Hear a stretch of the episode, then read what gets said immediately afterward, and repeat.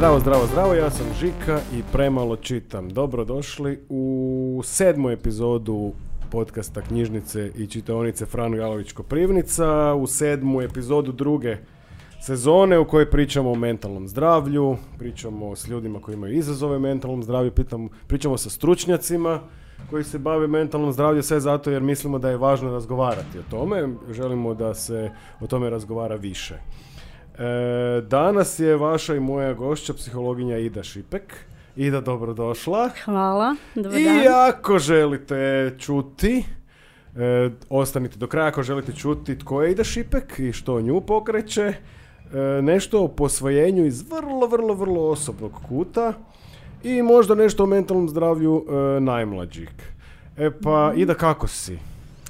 Pa jako dobro, jako dobro, relaksirano. Bila sam na e, jednom putovanju od e, osam dana, tako da polako se sad natrag.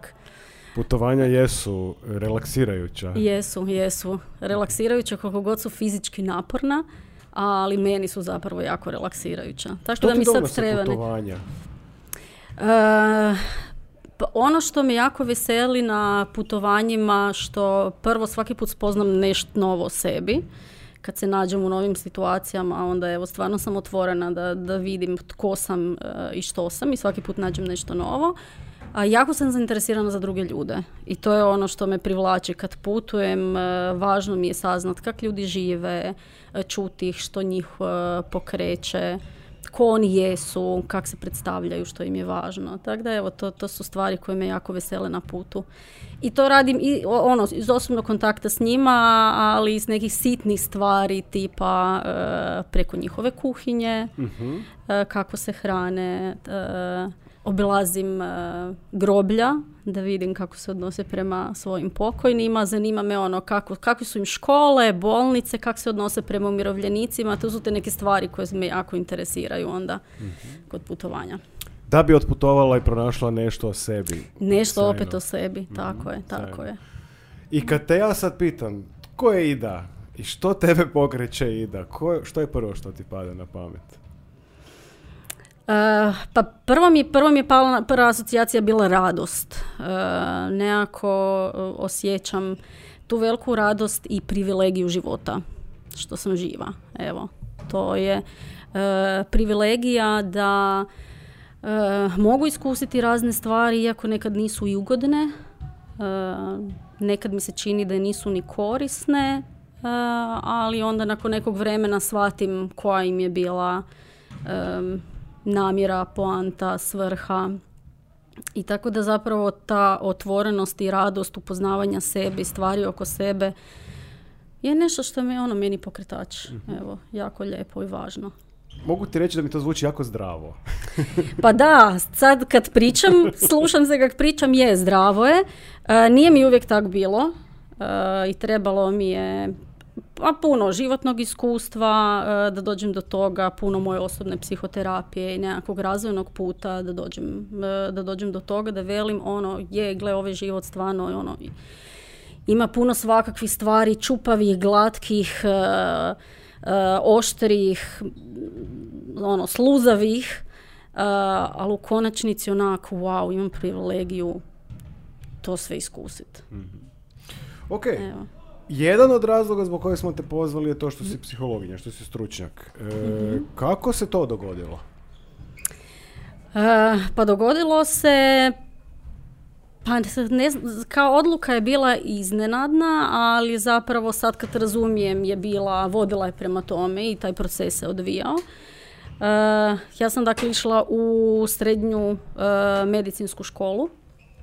Dakle, pomagačka struka mi je svakako bil, bio nekakav moj, e, moj poziv. E, I ono što me, e, ja, jako sam voljela ići u medicinsku školu i mi smo bili ono, jako puno na praksama. I kako sam bila na tim odjelima zapravo me počelo jako interesirati kako, kako su ljudi kad su bolesni, kad su u bolesti, kako se na njih reflektira to kad dođe do njih medicinska sestra pa razgovara s njim, pita ih neke druge stvari, ne sam bolesti, kada se čuje. Tako da sam tu nekako najviše počela obraćati pažnju uh, na taj aspekt uh, psihe i zdravlja, koliko zapravo uh, je to cjelovito, koliko smo mi cjelovita bića i da ne možemo odvojiti samo bolest, bolest od psihe. Tako da je tu krenuo nekakav tak, takav interes, zapravo iz te čiste zdravstvene psihologije. E, ako ono, imamo interes za ljude i ako pokažemo im interes, da li su im neke stvari lakše, da li ih ono manje boli, da li se brže oporave i slično. I kako sam krenula istraživati e, više tu zdravstvenu psihologiju, onda sam tako otišla na kliničku psihologiju, što je u principu svako koga psihologija zanima, se barem u početku zamišlja da radi e, u bolnici. I nekako je meni uvijek bil cilj raditi s djecom. Tako da, e, ka, rekla sam odluka je bila nagla zato jer sam krenula e, na faks na prijemni i na višu zdravstvenu i na e, psihologiju, tako da je onda odluka pala, ajde idem ipak Gdje na psihologiju. U Zagrebu. Znači na filozofskom? na hrvatskim studijima. Ja sam bila, da, druga generacija hrvatskih studija. uh Da. Ok. Znači, znači, taj izbor, kak je tu, kako su tu prevagnule stvari, ne? Pa prevagnule su stvari, to je jako smiješna jedna priča, jer slučajno sam upoznala dekana više, više, tada više medicinske, sad je visoka medicinska, doktor Havelka, doktor Havelka je psiholog i kad smo pričali o tome, o mom izboru zašto bi jedno, zašto bi drugo, ali stvarno medicinu sam jako voljela i voljela taj, taj posao on mi je zapravo dao nekakvu opet širu perspektivu mogućnosti u psihologiji. I da razmislimo o tome da zapravo di god je čovjek, e, da je tu i psihologija i da ono, fluktuacija radnog mjesta e, je možda e, lakša, da je možda izazovnije jer se možeš baviti jednim područjem pa promijeniti kad ti postane ne znam, manje izazovno nekim drugim područjem. Tako da evo tu je negdje onda donesla sam odluku, ok, ajde, idem ono, idem psihologiju. Mada područje koje me interesiralo u početku je uglavnom zapravo i ostalo. Mhm. I psihologija, studij psihologije na hrvatskim studijima. mm Kakav je studij psihologije na hrvatskim studijima bio kad si ti studirala? E, pa tad je bilo dosta, e, bilo je prvo iznenađujuće. S, e, iznenađujućim je bio, mi smo bila jedna mala grupa e, studenata jako me ugodno iznenadio odnos profesora i studenata, da je to jedan ravnopravan, uvažavajući bio eh, odnos. Znam da na nekim fakultetima nije bilo tako, tako da mi je to tu bilo iznimno eh, ugodno i mislila sam si, ok, da, pa studij psihologije predaju psiholozi, ovak bi trebalo ono izgledati, izgledati jedan odnos. Tako da mi je to bilo super. Bilo mi jako dobro na našem fakultetu, imali smo puno primijenjenih e, predmeta, tako da ne znam, primjerice imali bi razvojnu psihologiju, ali smo onda imali primijenjenu razvojnu psihologiju koju smo odrađivali u Klajčevoj bolnici, gdje zapravo sve ono što smo u teoriji učili smo onda i primjenjivali, tako da sam se dosta ono osjećala e, osnaženo na početku rada da, da ono, mogu i znam barem nešto, e, nešto raditi. A ono, učenje je bilo izazovno. Nisam si baš zamišljala da e, prve tri godine psihologije su puno matematike, statistike, istraživačkih metoda. Tako, to je bilo ono to je, to buđenje, pljuska. To je često razočarenje koje, koje da. Da, puno, mislim puno, da... Puno znanosti, onda puno anketa, puno mjerenja i onda je matematika. Da. Mm, je, da. Kako se s tim onda? to izgleda mi kod da je to neki ono filter. Jer misliš ti ozbiljno ono. Tu je bio filter, tu su se i generacije slamale. Uh, pa ja sam imala jedan sistem, imala sam zapravo još dvije kolegice i imala sam uhodano nekako grupno učenje. Evo, meni je bilo jako teško uh, učiti samostalno. Lakše mi je bilo kad, kad sam to radila u grupi, tako da smo imali sistem da je svatko uvijek učio jedan dio i onda smo se našli i ono prepričavali jedni drugima diskutirali, ono, znači raspravljali o tome gdje zapravo smo ono žvakali, žvakali te informacije, uh, usvali s nekim uh, našim prijašnjim znanjima i to mi je uvelike pomoglo. Uh, Što misliš zašto ti je to tako bilo lakše? Pa meni prije svega su stvari morale biti, u psihologiji bilo je dosta toga ono naštrebano, kao ona definicija je takva, to je takvo, meni je jako bilo važno da stvari budu mi razumljive, da ih stvarno ono shvatim u srž. I posebno mi je korisno bilo ovo, kad sam mogla to povezati sa nekakvim drugim znanjima, velim, ali opet je bilo to, to razumijevanje meni ključno. Drago mi je da si ovo spomenula jer e, učenje je težak posao. To mi mhm. koji svi koji smo u školi koji radimo znamo koliko je to zapravo težak posao i koliko je, e, koliko je motivacija važna. Ne? I, i, I, zaista je činjenica ako imate ekipu s kojom možete učiti i kojoj vjerujete, mm to, je, to je jedna puno vam se olakša posao i onda ste, na, na kraju krajeva motivacija raste onda. Da, je, je. Mm. Jer tu je bilo onda raznih rasprava, bili su i nekakve krive stvari koje smo se krivo zaključili, ali onda već i na temelju toga kad si neke krivo zaključili si lakše onda ono pravil, pravilno nekakve informacije zapamtiš. Tako da evo, to, to je nešto što, po čemu pamtim faks, bilo mi je lijepo i sad i ono u kasnijoj dobi, uh, kroz edukacije, jako evo volim učiti u grupi. mm Volim, to mi je baš... Okay. Kad si završila faks? Kad sam završila faks sam brže bolje krenula raditi. Zaposlila sam se u školi još kad sam bila absolvent. Uh, zaposlila sam se u osnovnoj školi. Tako da sam radila jedno polugodište tamo i nakon toga sam se zaposlila u dječjem vrtiću, Trtinčica tu u Koprivnici. I evo tu ostala 18 godina. mm Ok. Vratit ćemo se na taj dio kasnije. Drugi mhm. veliki i važan razlog zbog kojeg smo te pozvali je to što su tvoji roditelji tebe posvojili. Mhm. Mhm. To je tvoja priča. To je moja priča. To je tvoja priča. Da, da. Kako počinje ta tvoja priča? Uh, pa da, to ja bi stvarno rekla da ono puno različite stvari u životu nas obilježe. Mene je posvojenje stvarno uh, obilježilo uh, i danas jesam puno toga uh, kao reakcija, reakcija tog puta. Pa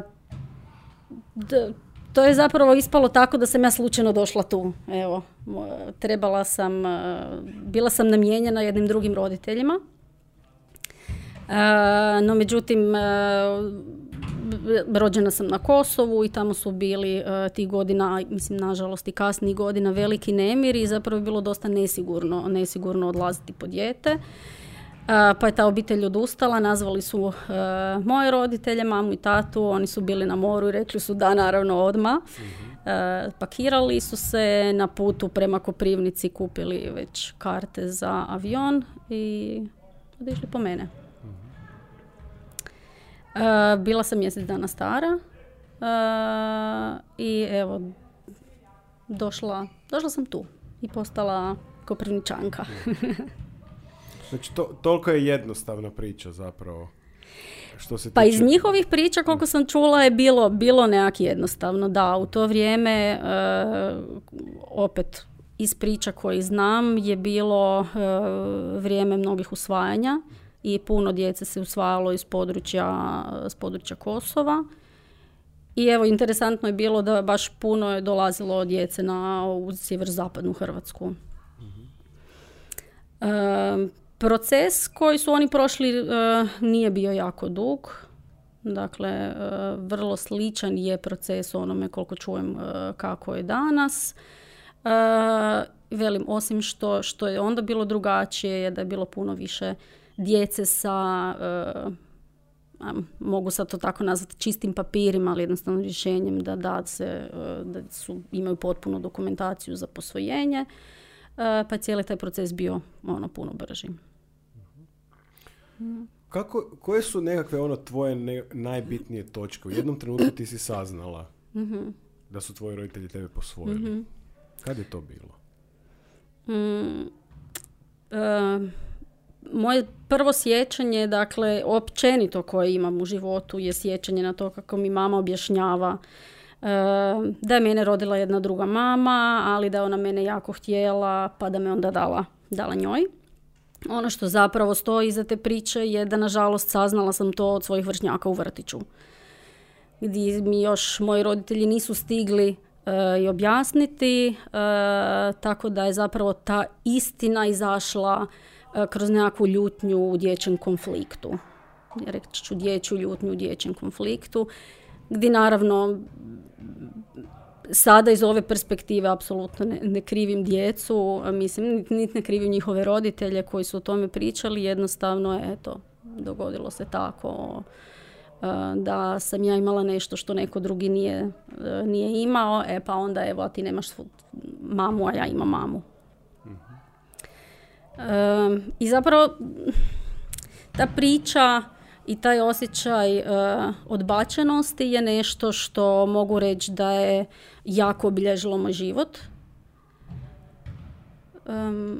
Osjećaj da, da, da te obacio netko od koga se prirodno očekuje da ti se veseli i da te ono s radosti dočeka. Uh, ono što ja svoj život nisam uspjela, nek sam tek ono kroz godine svoje psihoterapije do čega sam uspjela doći, da da, da netko me evo u tom trenu nije želio uh, ili me možda želio ali izabrao drugačije, ali nisam mogla vidjeti svu ovu radost s kojom sam dočekana.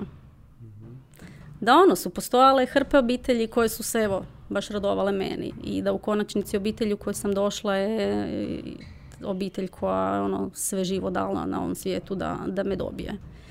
Tako da je bila tu rekla bi jedan, jedan onoj prazan prostor um, koji se dogodio, a vjerojatno razvojno se nije, nije moglo to uh, svačanje ubrzati. Ono što mislim da je tome isto doprinjelo uh, je zapravo izbjegavanje pričanja o tome da da, da ja sam ostavljeno dijete gdje su me moji roditelji i okolina željeli zaštititi od te ono, osjećaja odbačenosti i od tuge i zapravo o tome se nije pričalo. Nego ono o čemu se pričalo jako, uh, ali mi smo tebe jako htjeli, pa ti si bila baš posebna, pa baš smo htjeli tebe, bilo i druge djece, gdje zapravo što je važna informacija, mislim da dijete čuje, ali je jako važno i ono što sad vidim da mi je falilo da neko bude sa mnom u tom mom osjećaju tuge da da, da me moja mama nije htjela.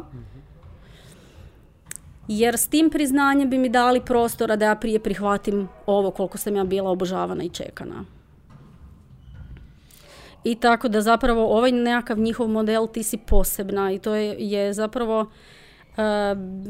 bilo nešto s čim sam se ja dugo kroz djetinstvo nosila da e, pokušavala sam zapravo tu svoju tugu e, kompenzirati na način da da, da, da, budem posebna u svemu, da se istaknem u različitim stvarima.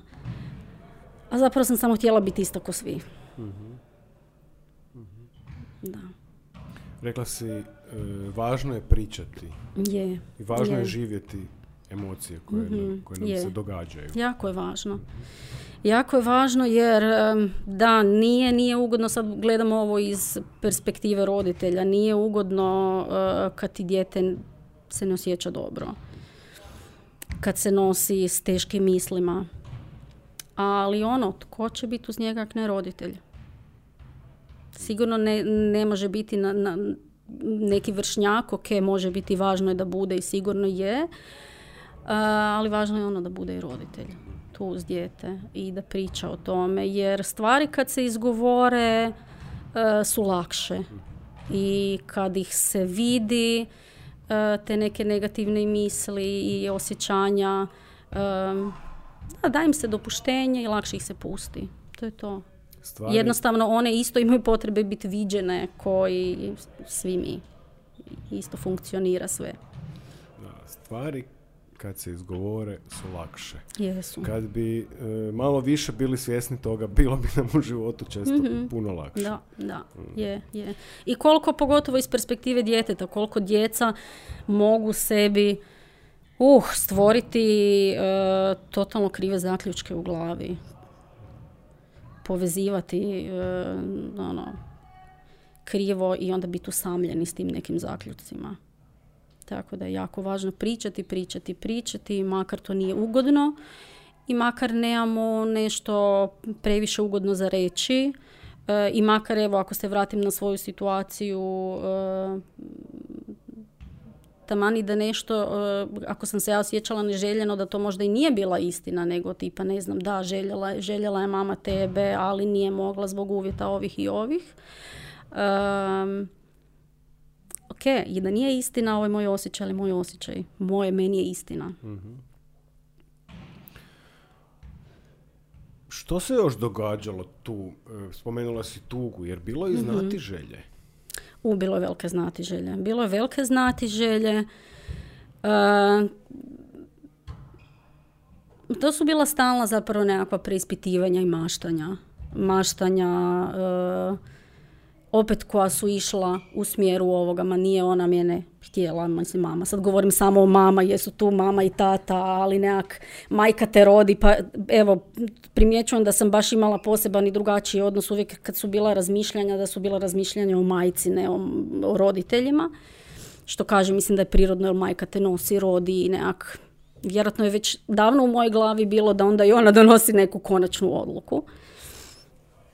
Em, promišljala sam puno, najviše u tome su moja razmišljanja išla o nekakvim fanta- fantaziranja zapravo, što se moglo dogoditi, kakva je ona, što radi, da li me se sjeća sad, da li razmišlja ikad od mene, da li razmišlja o mogućnostima e, koje su mogle biti. Ta fantaziranja bila su u različitim spektrovima, ono, mislim, od Bila su- pozitivnih do negativnih, kakva su bila? Bila su uvijek pozitivna. Uvijek su bila pozitivna. E, u mojoj glavi nekak posvojenje, zapravo sam idealizirala tu cijelu situaciju, nisam htjela biti ljuta na nju, dugo, dugo godina. I idealizirala sam ju na način da sam mislila, pa ok, gle, mogla me pobacit, ali ipak mi je dala život. S čim sam išla umanjivati, onaj, opet taj svoj osjećaj odbačenosti. E, ili uglavnom su bila pozitivna, zamišljala sam da sigurno ona nešto super i da sigurno misli na mene. E, tako da je to bilo uglavnom to. E, t- pro- mislim, problem je, vi- teže mi je bilo e, kako se približavao pubertet. E, jer tu normalno u pubertetu ono dolazi ono razvojno spontano preispitivanje identiteta tko sam ja, što sam ja i bilo mi se to teško uloviti za nešto kad ja ne znam tko sam ono kao kako da gradim e, sebe svoju sliku o sebi svoj identitet ako ne znam otkud e, potječem nekako ko da ova okolina u kojoj sam bila mi nije bila dovoljna. Ok, ja sam kćer od Vesne Rajka, sestra od Denisa i sve to imam i znam, ali falila mi je jednostavno ta slika. Falila mi je ta slika od one ono najjednostavnije stvari dok u, ono, u tineđerstvu mrziš svoj izgled, pa ono pogledam si svoj dugi nos i mislim si, Isuse Bože, onak, na koga sam to, od koga sam to naslijedila. Uh, pubertet je onda donio još jedno razočarenje gdje ja sam zapravo imala uh, imala dosta sam jasno izražavala svoje želje i gdje su mi moji roditelji rekli uh, mama prvenstveno da ono kad se približe neke srednja škola godine kad budem ono razumjela više stvari da ćemo pričati o tome da će mi one reći i naravno kako to bude, što se to vrijeme približavalo, uh, ona je bila sve zatvorenija. Što je mene jako ljutilo, izazivalo ono veliki bunt. Uh, I nije mi bilo jasno, ono, osjećala sam se jako prevareno. Doslovno ono, ko da čekaš da dotrčiš pred cilj, a onda ti neko stalno tu uh, zastavicu cilja, cilja uh, pomiče i nije mi bilo jasno da, ono i nije jasno koliko mi je to važno i koliko mi to treba. Em, tako da u moju priču se uplela moja baka, e, koja je onda meni rekla stvari koje jesu. E, što je zapravo em, izazvalo nekakvu tenziju obiteljsku između nje i mame. Ali ono što je onda dobro izašlo iz toga svega, da smo sve tri sjele, razgovarale e, i svaka je rekla zašto je njoj bilo važno da ta informacija izađe ili moj mami da ta informacija ne izađe. I imam osjećaj da tad prvi put smo čuli jedne drugo, onak istinski. Koji su naši strahovi, to jest koji su mamini strahovi najviše bili, a koje su bile moje nade. Mada su tu i ja sam imala svoje strahove i ona je imala svoje nade. Tako da, a isto tako i moja baka. Tako da zapravo nam je, mogu reći, baka stvarno pomogla tu eh, da se čujemo i da se razumijemo. Iako je izgledalo da je to nemoguće u tom trenu razumjeti se, jer želimo ono, diametralno suprotne stvari. Ona želi ono, izbrisati tu stvar, a ja ju želim staviti na svjetlo. I stavila si je na svjetlo? I stavila sam ju na svjetlo. E, dakle, naravno, trebao je proces neki duži, s obzirom da ono, po zakonu trebaš biti punoljetan, da možeš uh, doći do potpunih podataka, tako da zapravo sam Uh, da, i to, i to je to isto interesantno. Kad sam saznala te neke informacije osnovne, trebalo mi je nakon toga uh, šest godina da pokrenem potragu. Dakle, bilo mi je dovoljno i bio mi je potreba jedan period, ok, sad sam znala ime i prezime, znala sam od kud sam, šta sam, to mi je ono doneslo nekakav opet mir uh, i trebalo mi je ono šest godina da se odlučim, ok, ajde, ok, sad mi to više nije dosta, Uh, ispred mene je bila svadba, uh, planiranje obitelji i nekak sam osjećala da mi to opet treba da bi ja mogla dalje graditi svoju, svoju obitelj. Uh, tako da sam napravila malo istraživanje, došla do Centra za socijalnu skrb, nazvala ih, predstavila se i ono što mi je bilo nevjerojatno da sam s druge strane mi se javio socijalni radnik koji mi je rekao ja poznam tvoje roditelje, to su jako dragi, dragi ljudi. I ja sam rekla jesu, stvarno, ono, pružili su mi predivan život, ono, i stvarno sam im zahvalna. A on je rekao kao, pa ne, ne, ne mislim na tvoje posvojitelje, nego na tvoje prave roditelje, biološke. Tako da i taj proces ono išao jako brzo, dakle ja sam se s njima čula, drugi dan i moj biološki tata već mene kontaktirao.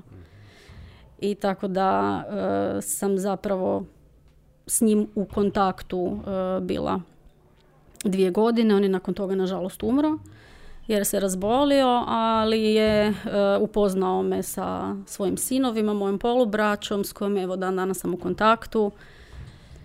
Jedan je i bio tu, oni silno mene na, nagovaraju da dođem tam i pozivaju, ali evo nekak još nije došlo vrijeme. Vjerujem da će doći nekad.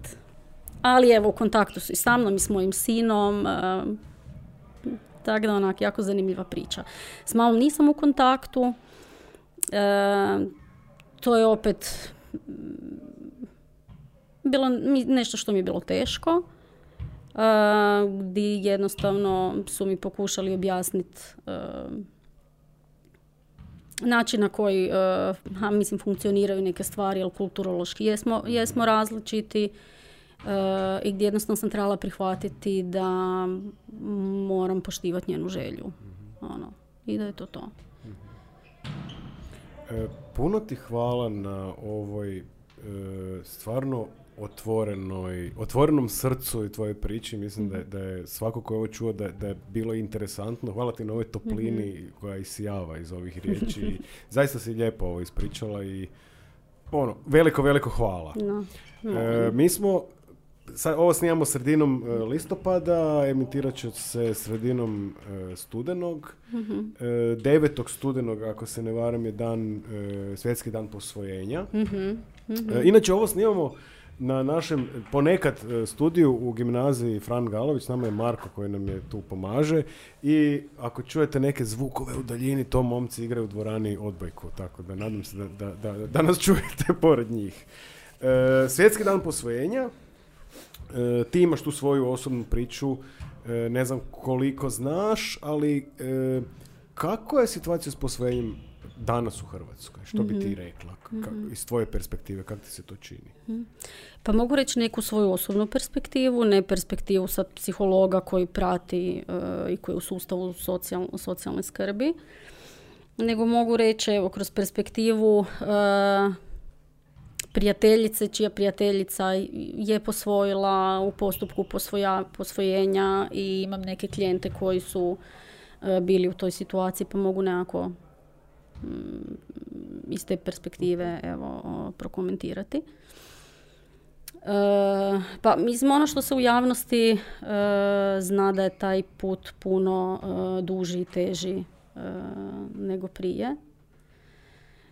E, jer naprosto očito zakonski neke stvari nisu regulirane i onoliko koliko znam da zapravo ima puno, puno djece koja ne žive baš u adekvatnim uvjetima, ali reći ću nažalost zakon im ne ide u prilog. E, kroz iskustvo kolegice ono što znam da e, da roditelji zaista trebaju biti jako, jako uporni.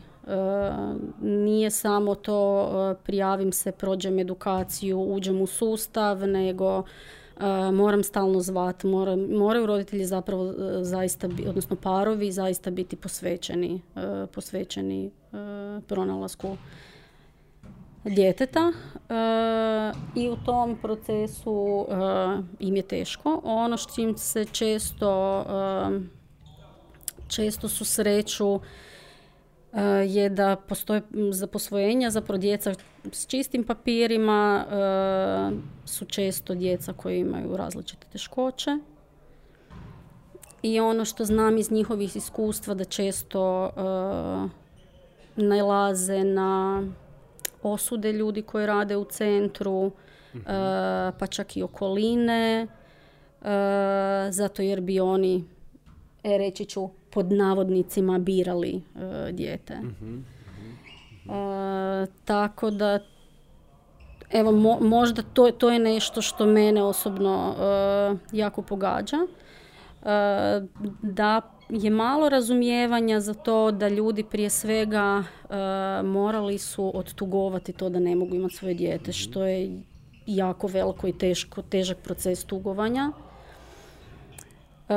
i da nije, nije e, lako donijeti odluku ono, evo sad ću ići posvojiti neko tuđe dijete i to će biti moje i nose se s puno strahova da li se oni uopće mogu povezati s nekim ko nije njegov. I onda još kad ih su sretnu stručnjaci u tom, u tom strahu, uh, kaže ono evo uzmite ono, pa nemate šta birati, hoćete dijete, tako da evo tu, tu s tim roditeljima e, su nekak moje misli i moja empatija e, i razumijevanje da ono mogu razumjeti da je teško mm,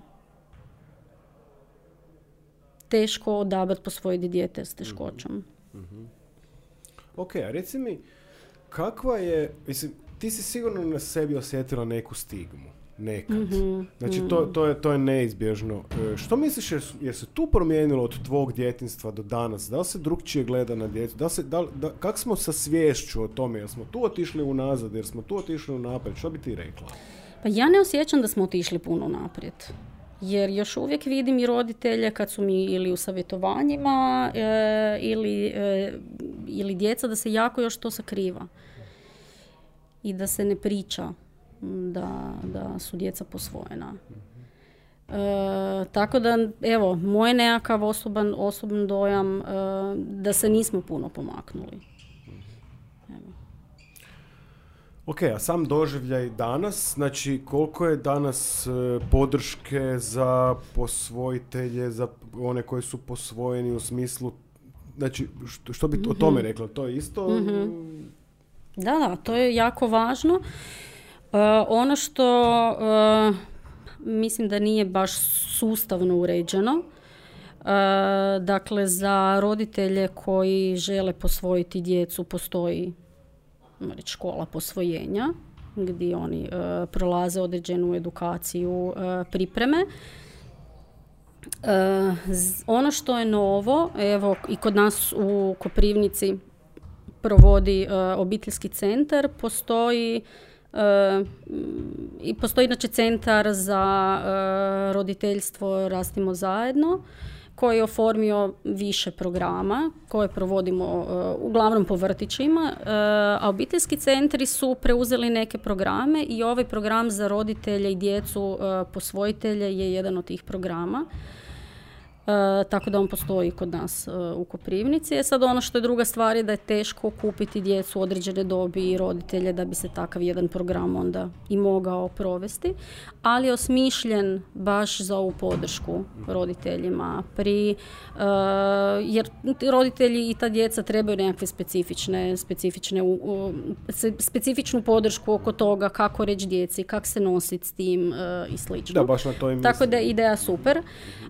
ono što postoji udruga Adopta na razini Hrvatske koja, ali opet često, dakle, kroz različita sufinanciranja prek projekata održava programe podrške i roditeljima, ali i posvojenoj djeci i to i na individualnoj razini e, i na grupnoj razini gdje onda radi, e, radi s djecom osnovne ško, osnovnoškolske dobi i srednjoškolske dobi, što mislim da je odlična, odlična stvar. Znači, ako te dobro čujem, e, ima, ako se obrate ljudi nekome, ima nekoga ko će ih podržati i ko će im pomoći. Tako je, tako je, ima.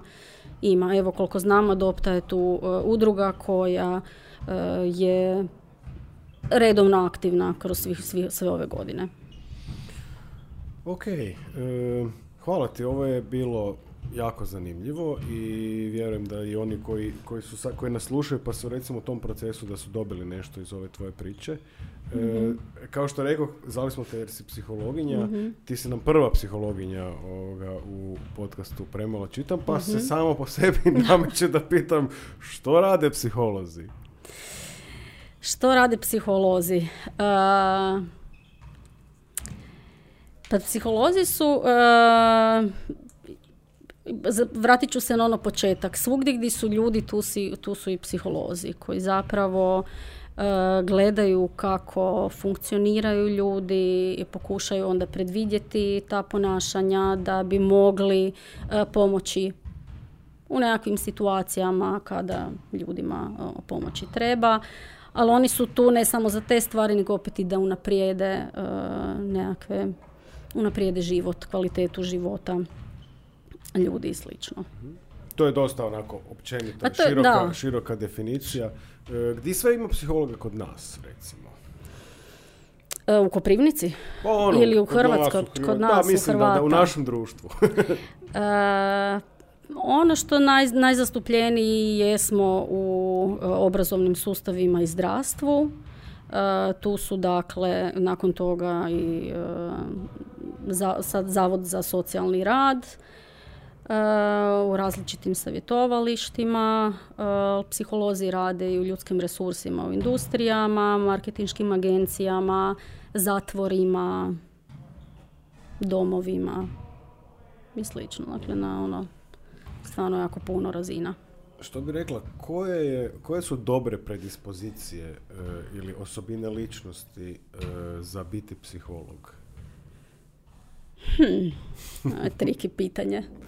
ok. Pa ja ne znam, sad mi je prvo došlo ono biti čovjek.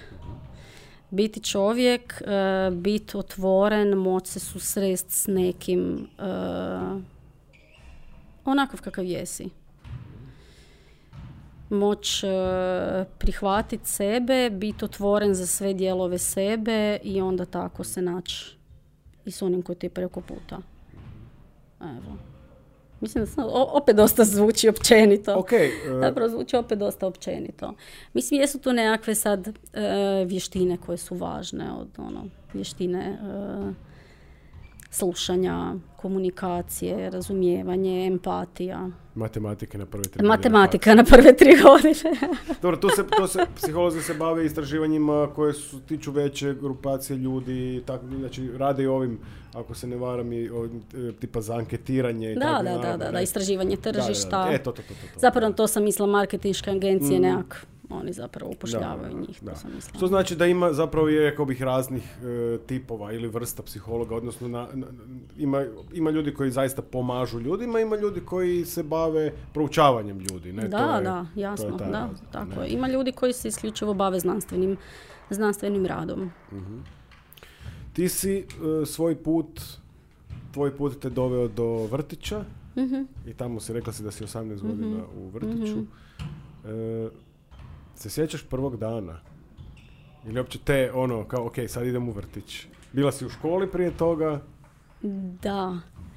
Pa e, sjećam se topline e, i sjećam se radosti jer je to, evo, zaista sam bila sretna da sam s malom, mm, kao radim s malom djecom. To mi je bilo ono prvo, prvo nekakva e, ideja i veselje oko toga. Veselilo me jako, zapravo što posao u vrtiću je takav što ti daje dosta ono, raširene ruke, možeš raditi puno toga što, što želiš, različite programe od s djecom, e, s roditeljima, edukacije s odgojiteljima, tako da e, dosta onak neovisan posao zapravo u smislu ono koliko hoćeš, što hoćeš, koliko si motiviran, uh, toliko možeš napraviti. Sama Tako da me... kreirati stvari. Da, da, da, da, Ono što mi je bilo izazovno, nekad manje, nekad više, to što sam bila prvi psiholog zaposlen u vrtiću ikad.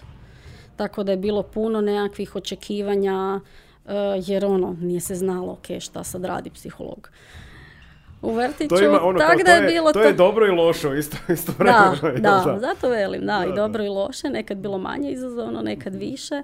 Nekad sam se svake godine iz početka pitala, ok, bože, što je moja uloga u vrtiću? Uh, I sad nakon 18 godina rada, nekak ne da mislim nego da drugačije vidim svoju ulogu nego na početku na početku rada kad sam počela raditi nekak sam bila jako usmjerena na djecu, da je moje da sam tu, da radim s djecom. Ono što sad vidim da je posao psihologa u vrtiću um, ojačati ojačat roditelje, dakle rad s roditeljima, rad s odgojiteljima, jer je jako važna klima u kojoj dijete, uh, dijete odrasta, u kojoj, u kojoj boravi i u konačnici mi odrasli smo odgovorni i za odnos sa djetetom eh, i za puno toga razvojno kod djeteta, tako da evo tu mi se nekak perspektiva malo krenula na početku rada s djeteta, pa sad prema više odgojiteljima i roditeljima.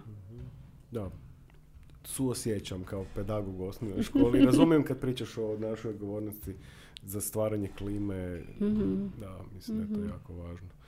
E, kad pričamo o mentalnom zdravlju najmlađih, mm kako tu stojimo? Ti, si, ti mhm. radiš s djecom, mm s malom djecom. Kad pričamo o mentalnom zdravlju tako male djece, o čemu uopće pričamo?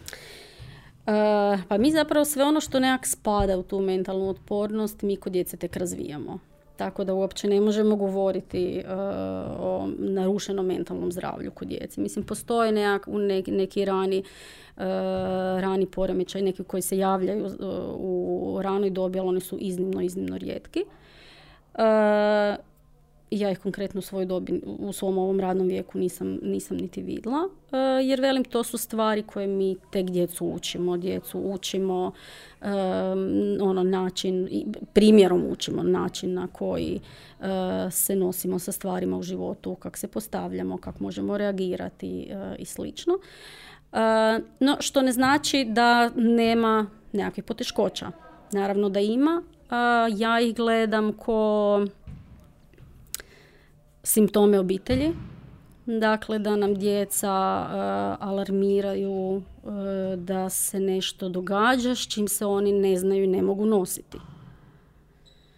Tako da u tom smislu da, postoje poteškoće, ali najčešće su oni samo one lampice uh, koje djeca uključe da bi se neki drugi, da bi se odrasle osobe usmjerile na dijete i da bi dijete onda uh, dobilo ono što, što mu treba. Da, da.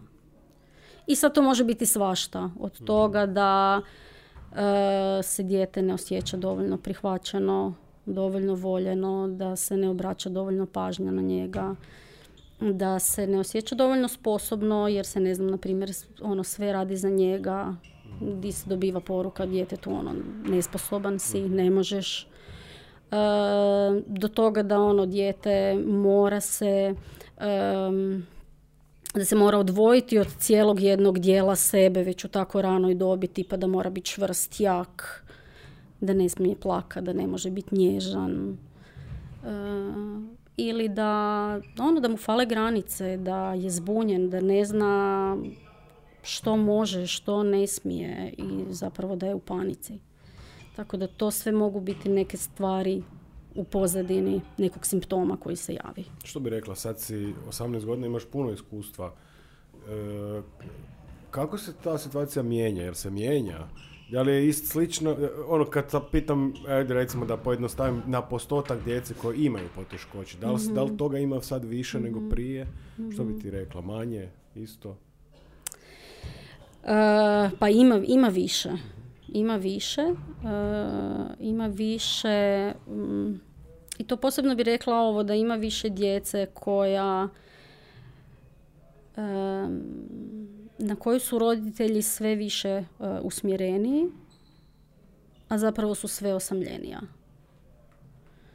Tako da to je nešto što vidim često da uh, ima puno obitelji koji rade puno za djecu, da, da daruju ih s poklonima, djeca imaju sve što požele, E, pokušavaju im uvjete životne, zapravo sve nekakve moguće e, negativne stvari odmaknuti da bi ih izolirali od nelagodnih i situacija, emocija i slično. E, a sve to zapravo djetetu treba. A sve mu to treba, upravo mu sve to treba da bi stvorili ovu otpornost, da bi kasnije bili mentalno otporni, otporni ljudi. I tako da zapravo u tom procesu se djeca moraju ono odvojiti od nekakvih svojih dijelova sebe što nije zdravo. Što nije zdravo. I da, djeci treba da neko bude, ono, isto iz početka moje priče, da neko bude s njima u tuzi, da neko bude s njima u frustraciji, da ne može neku stvar uh, napraviti, uh, da da, da prijatelji nisu fer, jel mu netko ne da, ne da igračku. I ono, da, Bit u tome da da svijet je jedno nesavršeno mjesto i koje je ta, kao takvo potpuno savršeno. Potpuno savršeno. I treba mu da bi ono izgradio vjeru u sebe, da i tu nekakvu nadu u život. E, da što god se dogodilo, ono, da stvari idu dalje. Da trenutno nekakvo loše iskustvo je samo trenutno loše iskustvo i da ono ne mora biti točka. Mhm. Nego samo jedna crtica u, na putu. Hvala ti. E, kad već pričamo u tom kontekstu, bila si ravnateljica. Znači, tu si ti morala možda odvojiti neki dijelove sebe, ili nemam pojma. Kakvo je to iskustvo bilo? Pa isto zanimljivo. zanimljivo iskustvo, da. E, pa to nije bilo nešto što sam planirala i zapravo nikad u, ono, u svom ovom radnom vijeku uh, mi nije to bilo. Dana bih htjela uh, biti ravnateljica. Došlo je potpuno spontano, um, jednostavno ko rezultat nekih evo x događaja uh, koji su se, okolnosti koji su se dogodilo i zapravo od opće prvog promišljanja do predavanja papira su prošla neka dva tjedna. Tako to stvarno je bilo ono rekla bih možda ishitren, uh, ishitren uh, događaj. Uh, ono što me motiviralo, motiviralo ideja da mogu nekako doprinijeti svoj zajednici. Evo to mi je bilo. Kad sam stala ono što hoću pa ok mislim da imam neka znanja da mogu evo unaprijediti vrtić a time onda e, i donesti nekakav napredak zajednici pa onda ajde idem probat. Ok nemam puno toga za izgubit. E, tako da to je krenulo ali je bilo jako izazovno. Bilo je jako izazovno jer nisam znala baš mm, paziti na sebe. Uh, ako nisam znala paziti na sebe, naravno da nekad nisam znala paziti niti na ljude. Uh, nego lovim se sad ono kad retrospektivno gledam da zaista u nekim momentima sam bila uh, isključivo usmjerena na cilj, na stvari koje moraju biti odrađene i tu je upravo došlo do ovog, dolazilo do ovog ocijepljenja koji si sad ono spomenula gdje jednostavno da morala sam se odmaknuti od nekakvih stvari od sebe koje bi ja željela, htjela i koje ja imam potrebu, zato je moja uloga sad trenutno drugačija. Tako da je to bilo jako, jako, jako zahtjevno. i izazovno i period koji me puno trošio jer sam puno očekivala od sebe. Osjećala sam da mogu puno dat. tako da sam često, često znala zaboraviti na sebe. Zbog čega onda u konačnici sam u to u drugom mandatu i odstupila, jer sam osjećala da to nije u redu. Ono, prije svega prema meni u pet godina se napravilo jako puno puno projekata kojih nažalost tad uopće nisam bila svjesna koliko toga radim, nego samo je bilo još i još i još i nikad dosta. A nisam zastala i ono pogledala, Isuse ono pogledao, no, kaj radimo svi skupa mi u vrtiću nek sam bila jako usmjerena na ono što bi još trebalo. A bilo je puno, bilo je uh, izgradnja vrtića, dvije obnove, tri Erasmus projekta, znači to ono, samo da govorimo na ono velikim, velikim stvarima, a bilo je još hrpu uvođenje uh, tri projekta, tri redovna programa nova, mislim, hrpa hrpa. I sad osjećam ponos i ono nekakvo žaljenje da u onom trenu nisam sebi više dopustila uh, osjećaj zadovoljstva.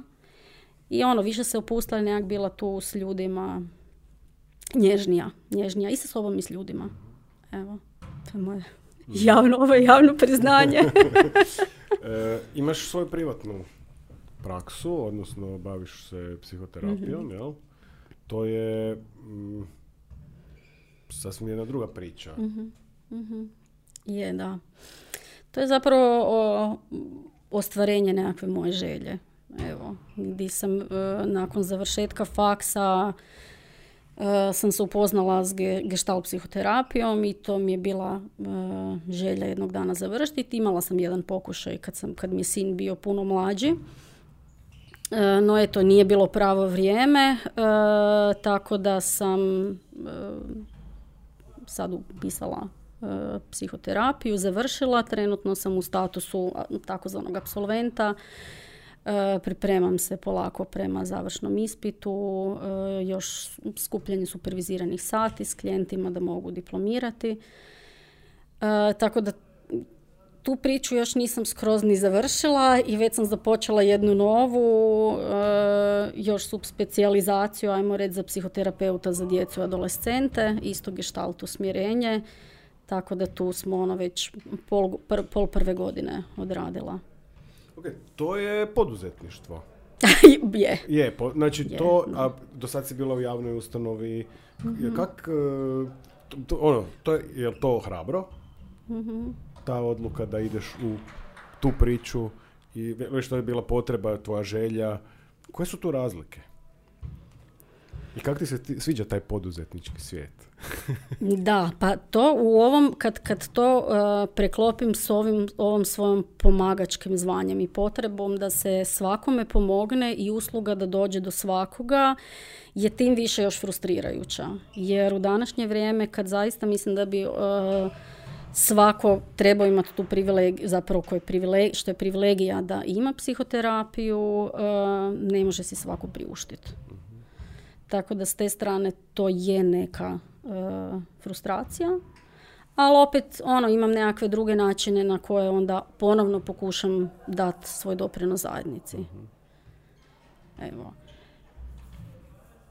Ok. E, Spomenula se tu jednu važnu stvar koja nekako e, stručnjaci u, u, u, imaju problem znači brinuti o sebi nekad. Ono, mhm. Brinemo o drugima, ali sebe zaboravimo. Kako sad ti brineš o sebi? Mm, sad trenutno bolje nego, ne znam, pred dvije godine. Ono što, uh, idem nekako od najosnovnijih stvari, um, dosta spavam, to, to je nešto što mi je ono, uvijek bilo važno i dobro jedem. Tako da ono, te primarne nekakve potrebe uh, su zadovoljene. Mm, brinemo sebi, mislim, pokušavam imati u fokusu uh, i ono svako malo svjesno tome što mi treba. Eh, da ne zaboravim neki aspekt sebe. Tako da nekad brinem o sebi tako da eh, odem s prijateljicama, da provedem eh, vrijeme sa sinom jer mi je to potrebno. idem na svoju psihoterapiju, tako da je uvijek tu nekakav način dalje rada na sebi. A ono što je meni bilo izazovno u toj brizi o sebi, što sam učila zadnje dvije godine, je to da budem nježna prema sebi, da ne moraju stvari biti savršene, da mogu nekad kiksat, da se mogu nekad opustit, da ono, da pokušam izbaciti one moraš stvari. Tako da evo, evo kad pomislim na brigu o sebi, to je nešto što je meni najizazovnije i što sam, moram reći da, učila proteklih dvije godine. Bit, bit nježna. I nije lako, jel? Nije, ne, ne, nije, nije. Nije, to je nevjerojatno koliko možemo imati puno razumijevanja za druge, ali ne i za sebe. Da drugima možemo reći ono, neka, nisam ovo napravila, a daj, pa nema veze, kao pa, nije važno. Ali istovremeno sebe jako uh, koriti radi toga. mm Sviđa mi se ovaj tvoj odgovor, toliko je sve, sveobuhvatan, krenula si od ono osnovnog naspavati se i dobro se najesti i brinuti o sebi. Mm-hmm. Baš je ovoga, mm-hmm. baš ti hvala, baš je lijep. No. Ko su uh, Koko i Mima? Uh, Koko i Mima su brat i sestra. Uh, brat i sestra koji su se rodili u mojoj mašti. Uh, I onda ih je moja prijateljica Boana sa mnom raz, raz, nadogradila i malo isproširila. To su dakle likovi iz uh, moje tri slikovnice, odnosno naše tri slikovnice. Uh, da, to su tri slikovnice koje se zapravo bave nekim temeljima mentalnog zdravlja. Namijenjene su djeci od 3 do tamo 9 godina kad, kad kažem temelje mentalnog zdravlja, mislim na uh, učenje disanja, dakle gdje učimo kako uh, biti tu sa svojim dahom u određenim uh, situacijama. To je u slikovnici Lovna Balončić. Onda je druga slikovnica Kućne pustolovine gdje ponovno djecu učimo biti u sadašnjem trenutku. Ono, ne biti ni u prošlosti, ni u budućnosti, nego sad ovdje gdje jesmo. E, biti sa svojim osjetilima, vidjeti šta se, e, šta se dešava, biti ih ono jako svjesni. I treća je uh, utrka s brodovima gdje se bavi, bavimo u slikovnici uh, upravljanjem mislima. Dakle, kad dođu teške misli, što s njima možemo. Da, zaista osnove. Da, baš osnove. Što ti je to iskustvo donijelo, kreacija ta? Pa cijeli taj proces nastajanja mi je bio, bio jako vesel, vesel i ono, je li bio kreativan. Uh, tako da prije svega uh, uživala sam u tom uh, zbojanom procesu stvaranja. Ono što mi je donio opet i nekakve ove poduzetničke, poduzetničke uh, interesantne bodove i momente gdje ono, ok, dobiš uh, slikovnicu neku, ali ne razmišljaš koji je to cijeli proces i zašto se to sve mora, pa sad to trebaš naplatiti, pa to moraš progurati negdje, ono, moraš doći se predstaviti, reći to je moje i ja mislim da je to odlično da vi kupite, tako da to je isto uh, bilo jako, jako zanimljivo. U tom cijelom procesu. Evo. Uh, a slikovnice su nastale iz ono, iz, um, iz namjere da prvo na našem tržištu ih uopće nije bilo. Kasnije su se počele uh, prevoditi nekakve strane slikovnice, ali zapravo ovakvog nečeg nije bilo. A vidjeli smo da kroz, kroz rad s djecom, uh, nažalost, iako je to djeci totalno prirodno. Sve ovo o čem sam ja pričala je prirodno djetetu da pravilno diše, prirodno je djetetu da bude u sadašnjem trenutku i prirodno je djetetu da lako fokus smakne s nekih misli, da je tu s onim, onim e, što jest. Ali onda nam je svijet donio da ono, iako im je to prirodno prvih pet godina, na jednom ih moramo učiti. Eto, tako da sve ono nekako što smo radile s djecom smo onda stavile u te slikovnice. Sad smo nekako došli do knjiga. Mi smo tu, e, zahvaljujući knjižnici, e, što tebe knjižnica znači u životu? Uh, pa to je čak nekako, ja mislim da, da nisam uh, izvukla iz knjižnice ono što sam mogla izvući iz knjižnice i da nismo, nismo skroz se sljubile kako smo se mogle sljubiti. Nekak sam ju doživljavala najviše uh, i bi provela vrijeme u knjižnici u tom nekom studentskom periodu uh, istraživanja literature i svega. I nekako sad kad vidim knjižnicu, uh, kako sad funkcionira i koje programe ima, evo tu je neki, nek- neko malo ono žaljenje, ali zašto toga nije bilo prije? E, jer ono kako sad vidim knjižnicu je zapravo jedan prostor koji stvarno poziva građane i gdje građani mogu doći e, otvoreno e, ono debatirat e, čitat, družit se, sudjelovati u radionicama različitim. Tako da, ono, taj žal za jednim, jednim ono, ugodnim mjestom koje se moglo iskoristiti puno, puno bolje. I stigneš čitat? Za užitak. Siguran sam da čitaš Da, puno. ono. za užitak ne stignem moraš, Da, da. ja, zapravo još, bud, još budem ovak rekla. E, ma mislim, za užitak stignem čitati, ali čitam opet stručno. Jer trenutno kak sam u procesu učenja, užitak mi je onda učenje novih, novih stvari. Ali jesam, previše sam u stručnoj literaturi, e, manje u nekoj drugoj, tako da evo to je nešto što priznajem da ima, ima mm, prostora za, za mijenjanje. Jel ima neka knjiga koja je tebi ostavila najveći dojam? Ono, kad te sad pitamo, tipa ono, u tom smislu, koja ti je najdraža knjiga ili koja ti je najdublje? Kad ti sad to pitam, koja ti pada na pamet? Pa znaš koja mi je prva došla, vjerojatno zato, smo, zato jer smo pričali o toga eh, od Marka, mogla, mogla se zvati eh, u, Leda, mogla bi se zvati Leda. E, no, vjerojatno zato jer smo sad pričali, to sam čitala, jako me naganula. Ganula knjiga ta. Ne znam, sad trenutno čitam eh, od Nestora Dah i isto me onak fascinira, ok, polustručna, ajde nije stručna, mislim da bi ju svaki čovjek trebao pročitati koja ono, govori o tome koliko nam je dah i disanje važno za funkcioniranje. Ok, eto i preporuke. Super.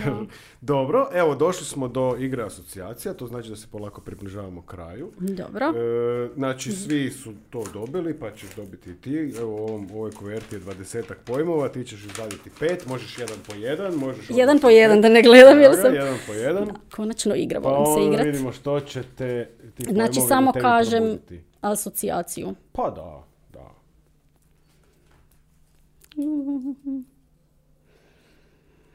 Hrabrost. Prvo mi je došlo ravnateljstvo.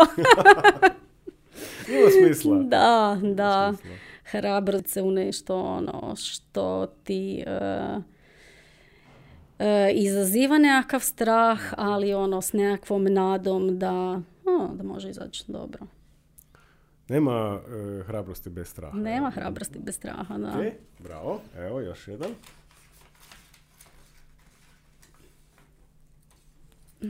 Vidimo.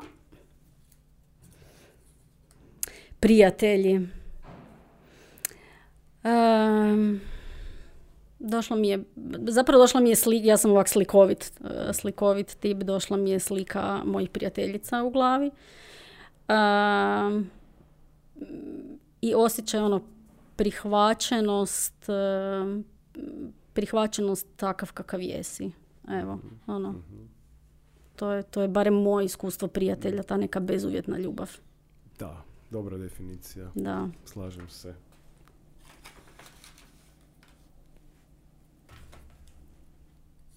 Dalje. Suosjećanje. Ham, evo, meni je odmah asocijacija nježnost. To je nekak to. Ako si e, prema nekom suosjećan, onda si nježan za sve ono što jest. Bilo dobro, bilo loše. Teško, lako. Evo. Super, hvala. Četvrti. Mm, Zanimljive su ti tvoje asocijacije. Je. Zgužvale su se. Užvale su se. Briga. Mm. Mislim, grozno, došli su mi nove novci. Prva se mi bila novci, briga. Da, to ti je od poduzetništva. Zbog poduzetništva, to je to. Čim kreneš u poduzetništvo, odmah, su, odmah se vrte novci. Um, ne znam, sad, evo sad kad opet razmišljam, razmišljam briga, opet mi onda dođe uh, moji prijatelji, vratim se na njih koji, i ovo su osjećanje, ko da mogu sve nekak povezati uh, jer je sve odmah lakše. mm Ono, ima briga svega, ali nekak se lakše, uh, lakše ih pustiti kad znaš da nisi sam. mm Evo. I još jedan.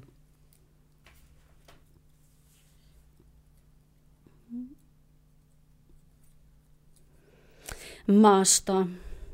Mm, mašta, odmah pred, pred, sli, pred sobom imam onak nekakvu sliku puno, puno boja. Um, volim maštat. Nekad nisam volila maštat, danas volim maštat i mislim da je jako važna. E, da nam stvarno ono pomaže e, u puno toga. Evo, pomaže nam u tome da si stvorimo sliku u glavi da neke stvari ono jesu moguće, jer onda zaista barem na tren mozgu i tijelu omogućimo, uh, omogućimo doživljaje ko da stvarno, stvarno to jest. Uh, I ne znam, budi u meni nekakvu radost, veselje, da stvari mogu biti različite, da nema granica, ono, nekakvu slobodu.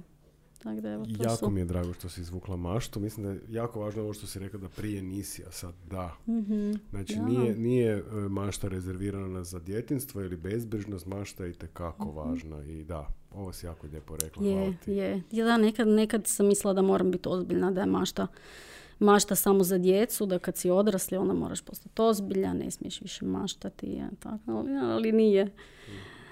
Tako da zapravo ono, u, nama je uvijek, e, uvijek ono malo dijete e, sa svim ono svojim potrebama koje imamo danas i iste te potrebe imamo i mi kao odrasle osobe, samo neke možemo zadovoljiti sami na, ono, na drugačije načine nego što smo prije mogli. Ali imamo sve iste potrebe. I zadnje pitanje je uvijek isto. Ako sad. Netko nas sluša i osjeća da ima teškoće, da mu treba pomoć, koja je tvoja poruka?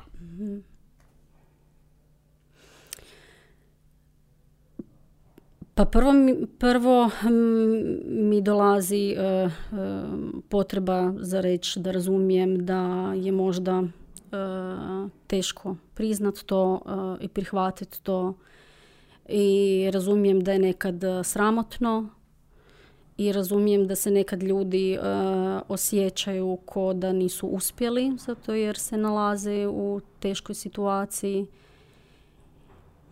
i da sama pomisao potražiti stručnu pomoć može izazvati onda još veći sram. Tako da e, imamo evo potrebu normalizirati da takvi osjećaji su normalni osjećaji. I da da, nekad je zaista hrabro potražiti pomoć. Uh, nekad nekim ljudima za neke stvari, jer naravno ono, to je opet život, putovanje, neke situacije jesu teže, ali pomaže razgovor s prijateljima, a nekad se zaista nađemo u situaciji kada trebamo stručnu pomoć. Tako da bi svakako uh, ono, poručila i rekla da, da je teško, razumijem da je teško i razumijem da se je možda tu taj osjećaj neuspjeha životnog, da se ne može, ono, ne može osoba sama izvući uh, iz te situacije. Uh, ali da opet zato tu postoje ljudi drugi koji mogu pomoći. E, važno je potražiti stručnu pomoć e, i ono, nadat se da kroz to nekakvo zajedničko putovanje sa stručnom osobom mogu doći neki bolji dani. Hvala ti puno, hvala ti na ovom odgovoru, hvala ti na cijeloj priči. Bilo je vrlo inspirativno jako zanimljivo i siguran sam da su svi koji su slušali dobili nešto za sebe. Mhm. Hvala tebi evo, na pozivu. Drago mi je da sam mogla podijeliti ono, i, dio privatne sebe i profesionalne sebe, ali opet to, to sam sve ja. Okay, Hvala Draga, ti hvala. još jednom, hvala knjižnici što mi dozvoljava da ovo radim, hvala gimnaziji i Marku koji nas je ugostio danas. Ja sam Žika i premalo čitam. Hvala što ste slušali.